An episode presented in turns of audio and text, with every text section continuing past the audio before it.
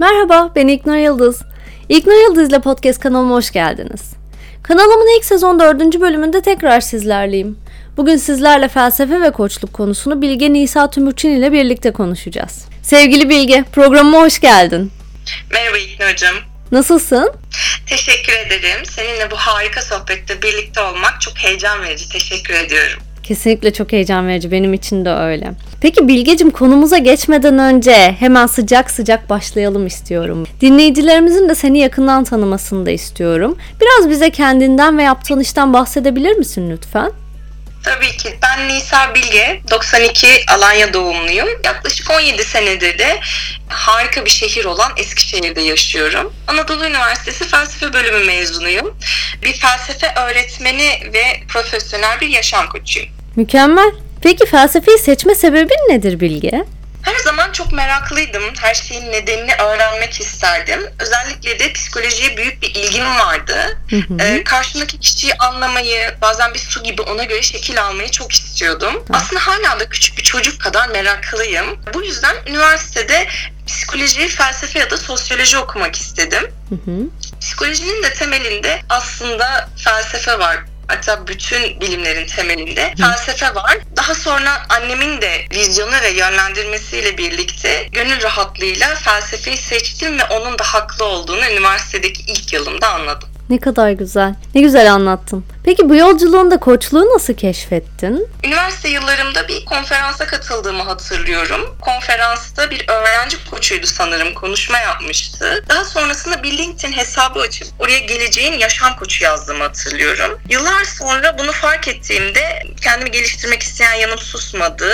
Tamam dedim. Sanırım sırada bu var diyerek araştırmaya koyuldum ve bu süreçte yolum pek çok harika koçla kesişti. Aslında ne yapmak istediğini zaten biliyormuşsun değil mi? Galiba öyle. Bilge sen böyle anlatınca aklıma düşünüyorum o halde varım geldi. Felsefeyle ilgilenen ilgilenmeyen herkes bilir değil mi? Ve bu cümlede Descartes o kadar güzel anlatmış ki aslında ne demek istediğini. Tabii ben bunu koçlukla bağdaştırıyorum. Nacizane bir felsefeci olmadığım için. Düşünüyorum diyerek tabii bir filozof kendi düşündüğü alanda derinlemesine düşünüyor. Derinlemesine sorular soruyor. En derinine inmeye çalışıyor. Her şeyiyle öğrenmeye çalışıyor vesaire. Bir koç da koç olarak kendinde en derine inmeye çalışıyor. Kendini anlamaya, çözmeye çalışıyor. Bu konuda sorular soruyor kendine. Felsefede filozoflar konulara yönelirken biz koçlukta koçlar olarak kendimize içimize yöneliyoruz. O halde varım derken de Descartes kendi varlığını sonsuzlaştırmış. Biz hala bak ondan bahsedebiliyoruz. Gerçekten varlığını bütün evrene ispatlamış diyebiliriz sonsuz olarak, zamansız olarak. Biz de koçlukta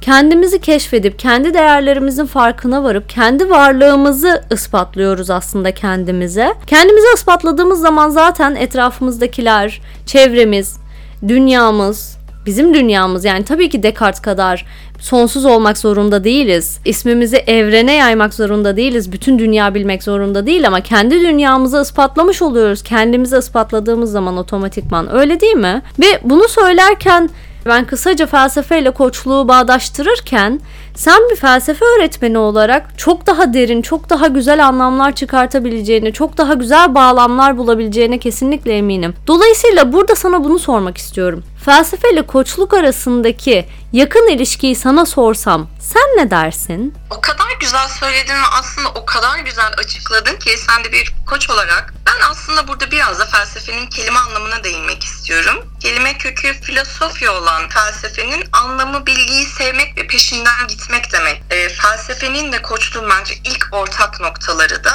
merak. Greg Thompson Usta Koç kitabında koçluğu şu şekilde tanımlıyor. Kaos, deneyimleme, kendini öğrenme, hayal kırıklığı ve sevinç dolu karmaşık bir keşif yolculuğu olarak tanımlıyor koçluğu.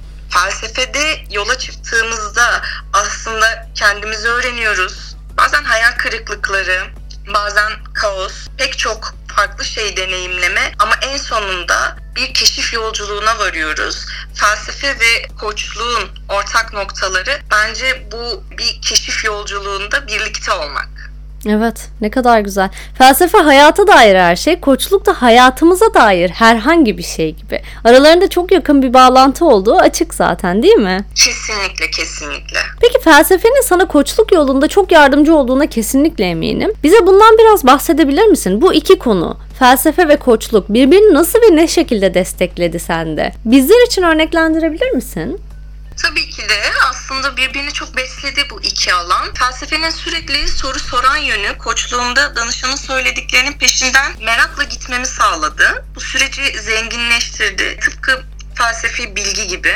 Tıpkı felsefe de koçluk gibi bir olma hali aslında. Felsefeyi sorgulama nasıl her daim devam ediyorsa hayatın içerisinde koçluk ve koçlukta geliştirilen kaslar da yalnızca görüşme sırasında değil hayatın akışı içinde de çalışmaya devam ediyor. Koçluğumsa felsefeyi şu şekilde destekledi diyebilirim. Felsefede soruları dışarıya sorarken koçlukta bu sefer kendime dönüp de kendime sormaya ve kendi üzerimde çalışmaya başladım. Bu sayede farkındalığım arttı diyebilirim felsefede alışık olduğum soru sorma halini kendime yönlendirerek aslında günlük hayatta da hep söylerim bölümümün bana düşüncemi eğip bükmeyi öğrettiğini, bunu koçluğa da entegre ettiğimizde ICF'in işaret ettiği temel yetkinliklerden bir tanesine gidiyoruz. O da koçluk süresi boyunca varlık göstermek ve esnek olmak.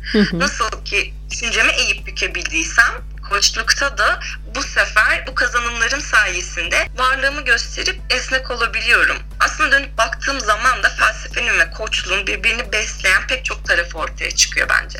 Evet çok doğru. Peki bunların hepsi sana nasıl bir katkı sağladı ve senin ailene, çevrendekilere ve diğer insanlara nasıl katkı sunabildiğini de merak ediyorum. Keşke e, şu an burada yanımda e, çevremden biri olsaydı ve bunu gerçekten tarafsız bir gözle anlatabilseydi ama elimden geldiğince ben de kendi içimde yaşadıklarımı ve kendi farkındalıklarımı aktarmak isterim. e, bakış açımı ve iletişimimi, hayatımı zenginleştirdi diyebilirim bu koçluk süreci. Girdiğim diyaloglarda bana karşı tarafı derinlemesine dinlemeyi öğretti bana. Böylelikle karşımdaki kişiyle farklı paylaşımlar ve akıcı sohbetler ortaya çıkmaya başladı. Ee, diğer taraf içinse değer verildiğini, onları dinlediğimi hissetmeye başladılar sorunlara farklı pencerelerden bakabilmemi sağladı ve iş yaşamımda karşılaştığım sorunlara karşı çok daha esnek, çok daha farklı çözümler bulabilmemi sağladı. Ne kadar güzeldi anlattın. Evet doğru. Koçluk aslında hepimize bunları sağladı. Çok güzel yetkinlikler verdi. Biz tabii burada hep bize bunları sağladı diye sen de ben de bu şekilde bahsediyoruz ama biz danışanlarımıza da aynı şekilde iletmeye, arayışlarında yardımcı olmaya çalışıyoruz koçlar olarak. Yani sadece bizim elde ettiklerimiz değil bunlar bizimle çalışan danışanlarımızın da elde ettikleri değil mi Bilgecim? Tabii ki de kesinlikle. Peki Bilge gençliğe verebileceğin en önemli tavsiyelerin neler? Aslında onların kendilerini geliştirmekten asla vazgeçmemelerini öneriyorum. En çok da kendi üzerlerinde çalışsınlar. O kadar değerli ve özeller ki ilgi duydukları alana ve kişisel gelişimlerinde kendilerini en yeni ve güncel bilgilerle donatmalılar bence. E, hata yapmaktan ve olumsuz geri bildirimlerinden korkmasınlar ve çekinmesinler. Çünkü en büyük ve en değerli hediyeler bunlar olumsuz geri bildirimler özellikle. Kendilerini eleştirenlere teşekkür ederim desinler. Çünkü en büyük gelişimlerini bu sayede kaydedecekler.